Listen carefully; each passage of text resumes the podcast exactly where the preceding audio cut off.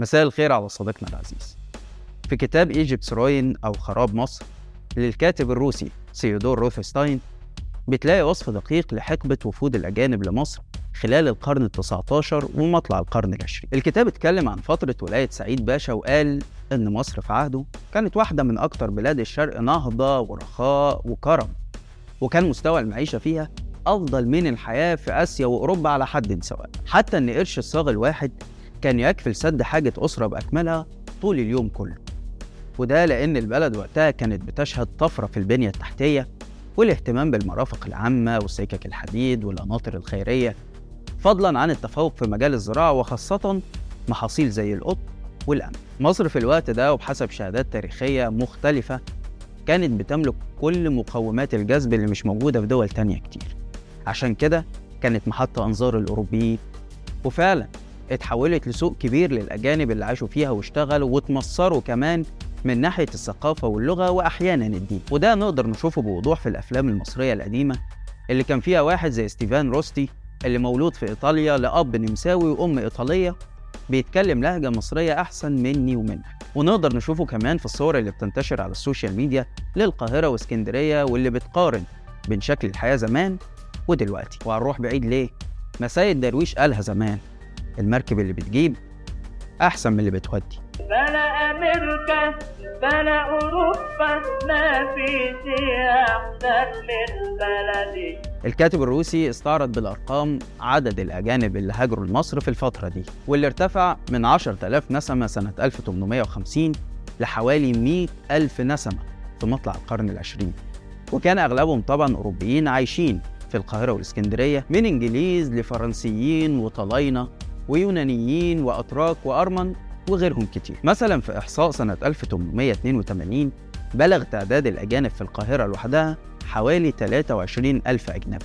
أكثرهم من الجنسية اليونانية اللي كان عددهم في حدود 7000 نسمة يليهم الفرنسيين 5000 والطليان 3400 والنمساويين 1800 أما الإنجليز 1000 نسمة. خدوا بالكم في الوقت ده تعداد السكان في القاهرة كان 375 ألف نسمة بس. أغلب الأوروبيين بقى في الوقت ده كانوا شغالين في مهن بتخدم على المصريين زي التجارة والحلاقة وأعمال المقاهي وغيرها. الجاليات الأوروبية صديقي في الفترة دي أثرت في مصر بشكل كبير وأغلب التأثير ده كان إيجابي زي إنهم ساهموا في بناء مؤسسات مهمة بما في ذلك المستشفيات والمدارس والمصانع وحتى الأندية الرياضية. وزي ما أثروا في مصر اتأثروا بيها. واندمجوا في المجتمع المصري وتعلموا لغته ولهجته بلكنتهم الخاصة. وأطلق عليهم المصريين لقب الخواجة اللي بنشوفه في أفلام الأبيض والأسود اللي بتمثل الفترة دي. ومن شدة اندماج بعضهم شاركوا مع المصريين في مواجهة الاحتلال الإنجليزي وكتير منهم بقوا مصريين أبا عن جد بعد حركة الضباط الأحرار بقى سنة 1952 دخلت مصر في العصر الجمهوري عشان يتعرض المجتمع لهزات عنيفة على كل المستويات. اقتصاديا حصلت قرارات التأميم واللي تضرر منها قطاع كبير من الأجانب. سياسيا حصل طرد العدد كبير من الجاليات اللي واجهت اتهامات بنهب خير البلد وتم التشكيك في انتمائهم لمصر. واحدة واحدة اتغيرت الأحوال وبدل ما كان الأجانب يجوا مصر بحثا عن الأمان والفرص بقى المصريين هم اللي بيهربوا على أوروبا بحثا عن النجاة. ويا ريتها هجرة رسمية من خلال رحلات أمنها لأ. بقوا بيخاطروا بحياتهم وبأرواحهم في عرض البحر أملا في الوصول لمستقبل أفضل. ليه مصر أصبحت وطن طارد لأبنائه؟ وليه الناس بتخاطر بحياتها عشان توصل أوروبا؟ ده اللي هنحاول نعرفه معاكم في حلقة النهاردة. بس قبل ما نبدأ الحلقة يا ريت تشاركوا الحلقة مع أصحابكم ولو عايزين تدعموا المحتوى اللي إحنا بنقدمه اعملوا انتساب في القناة. أنا عبد الرحمن عمر وده برنامج الحكاية.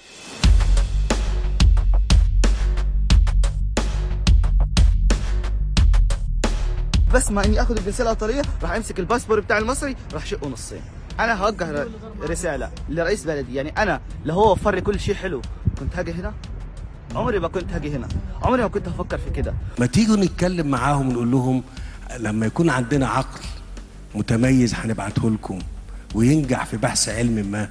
ما تدونا نسبة من عقله. ده ابننا. وعلمناه عندنا. وأتحناه لكم. طب ادونا ادونا أهلا بيكم أنا غريق مع إيقاف التنفيذ. دي كلمات شاب مصري اسمه سعد كمال. كان أحد الناجين من غرق مركب للهجرة غير الشرعية في قرية برج مغيزل بمركز مطوبس بمحافظة كفر الشيخ سنة 2016 واللي راح ضحيته حوالي 200 مصري من بين 600 شخص كانوا على متن المركب. سعد اللي عمره وقتها كان أقل من 20 سنة ساب دراسته وشغله وأهله. وقرر يخوض رحلة الموت زي ما بيسميها.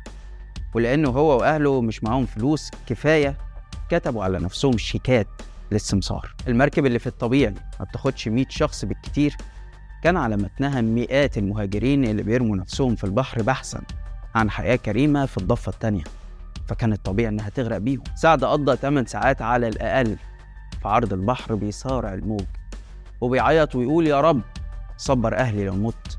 ومن حسن حظه اتكتب له عمر جديد ونجا من موت محقق. رغم كده سعد قال إنه مصمم على الهجرة وإنه هيحاول تاني وتالت ورابع إما يموت في الطريق أو يوصل ويعيش هو وأهله حياة كريمة من وجهة نظر. من كام يوم شفنا لقطات حزينة للأسف ومهينة لآلاف المصريين وهم مترحلين من ليبيا.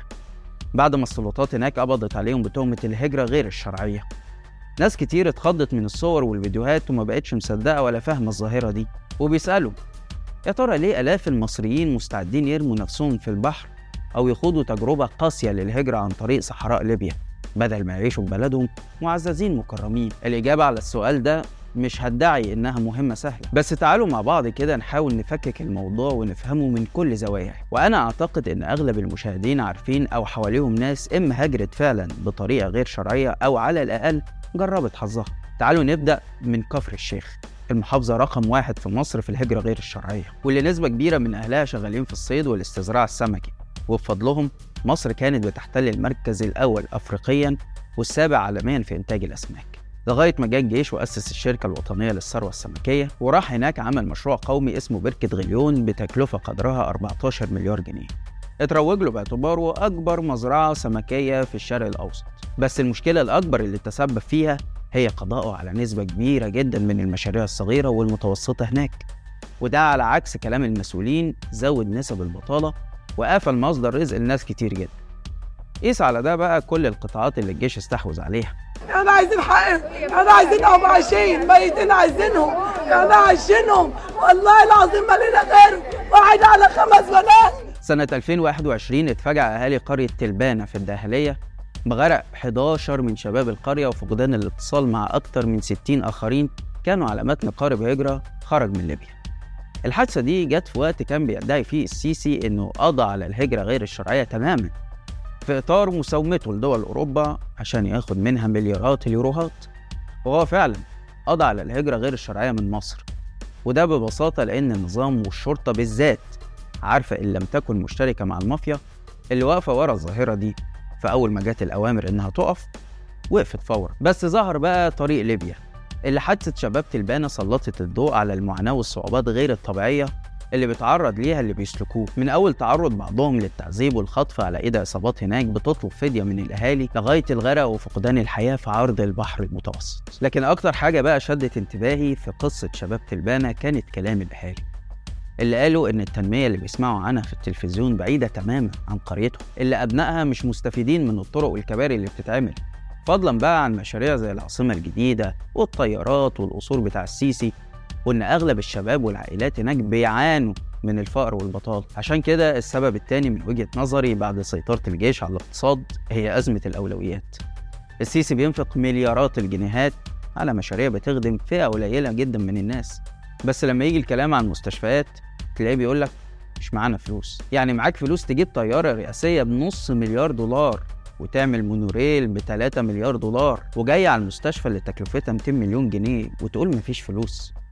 المفروض نزود ما لدينا بالفعل يمكن مرة كمان. يعني لو كان عندنا مثلا هقول رقم ممكن ما ننساهوش 500 مستشفى فإحنا محتاجين 1000 ونفس الكلام ينطبق على الأطقم الطبية وعلى.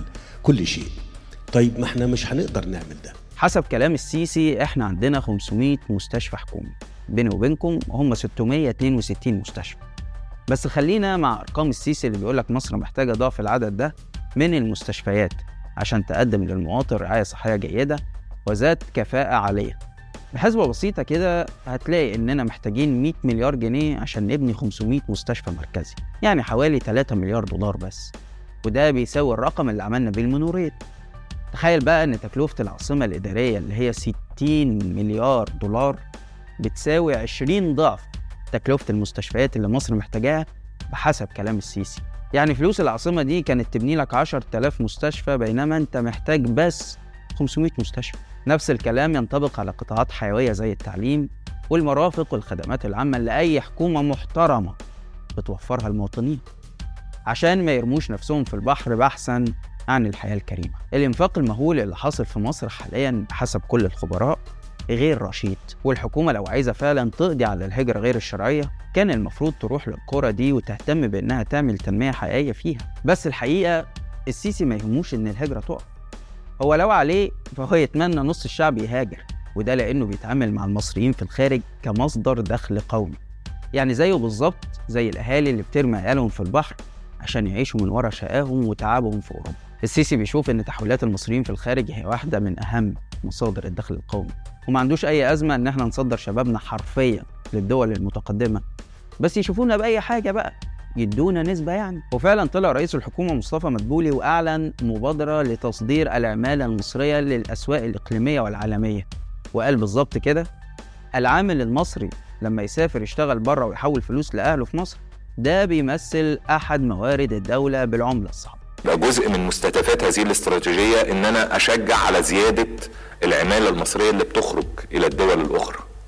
لأن ده جزء من زيادة الصادرات ولكن بطريقة غير مباشرة. الفكرة دي بتخلي الحكومة تتخلى عن دورها في حماية مواطنيها في الخارج وخاصة في الدول اللي ما فيهاش قوانين تحمي العمالة زي دول الخليج كده اللي كل فترة والتانية تطلع حوادث اعتداءات ضد المصريين وتنتهي أغلبها بتطيب الخاطر تحويلات المصريين في الخارج مش الطريقة الوحيدة اللي بتعتمدها الحكومة في تقليب ملايين المواطنين اللي عايشين بره. عندك كمان العروض اللي بتتعمل لهم مخصوص على الشقق والعقارات بتاع العاصمة الجديدة باعتبار إن محدش هيقدر على الأسعار الغالية دي بتاعتها غير اللي بيقبض بالدولار. ولما الحكومة تلاقي الطرق دي مش جايبة همها أو تكون مزنوقة شوية في قرشين تدخل عليهم بجو الشحاتة. وتطلق حملات تبرع لصندوق تحيا مصر. زي ما عملت السفارة المصرية في كندا كده. في المقابل السيسي بيروح لدول أوروبا ويقول لهم أنا مستعد أمنع الهجرة غير الشرعية. بس ساعدوني. إدوني ديون اصلح بيها الاقتصاد واوفر فرص عمل تخلي الشباب يقعد في البلد وما يهاجرش. فيقوموا مدينه قروض يروح الباشا يصرفها على مشاريعه العملاقة. بعدين يروح يقول لهم طب ما تجيبوا فلوس كده نأمن بيها حدودنا البرية والبحرية. بلد زي فرنسا مثلا تديله إمكانيات عسكرية يقتل بيها مئات الشباب المهاجرين على الحدود الغربية. والاتحاد الأوروبي يديله 80 مليون يورو لرفع كفاءة حرس الحدود. فهو كل اللي يهمه سواء من الأوروبيين ولا من المهاجرين المصريين الفلوس. اللي هي من وجهة نظره أهم حاجة في الدنيا. فلوس الفلوس الفلوس. حاضر يا فندم. آه. حاضر يا فندم. أهم حاجة في الدنيا. في النهاية طول ما الحكومة بتشوف مواطنيها مجرد فلوس ماشية على الأرض وما عندهاش مانع إن الملايين منهم يتغربوا عشان لقمة العيش وطول ما غايب عن أولوياتها إنها توفر حياة كريمة بجد لشعبها. طول ما ده حاصل هنشوف الشباب بيرمي نفسه في البحر بحثا عن فرصة للنجاة على أمل الحياة بشكل آدمي حتى لو كان بعيد عن أهله وعن وطنه. بس كده. لحد هنا والحلقة خلصت. شارك الحلقة لو عجبتك وتابع حساب شباك وحسابي على الإنستجرام. هتلاقي اللينك في الوصف.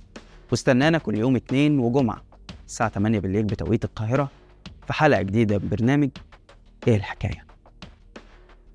سلام.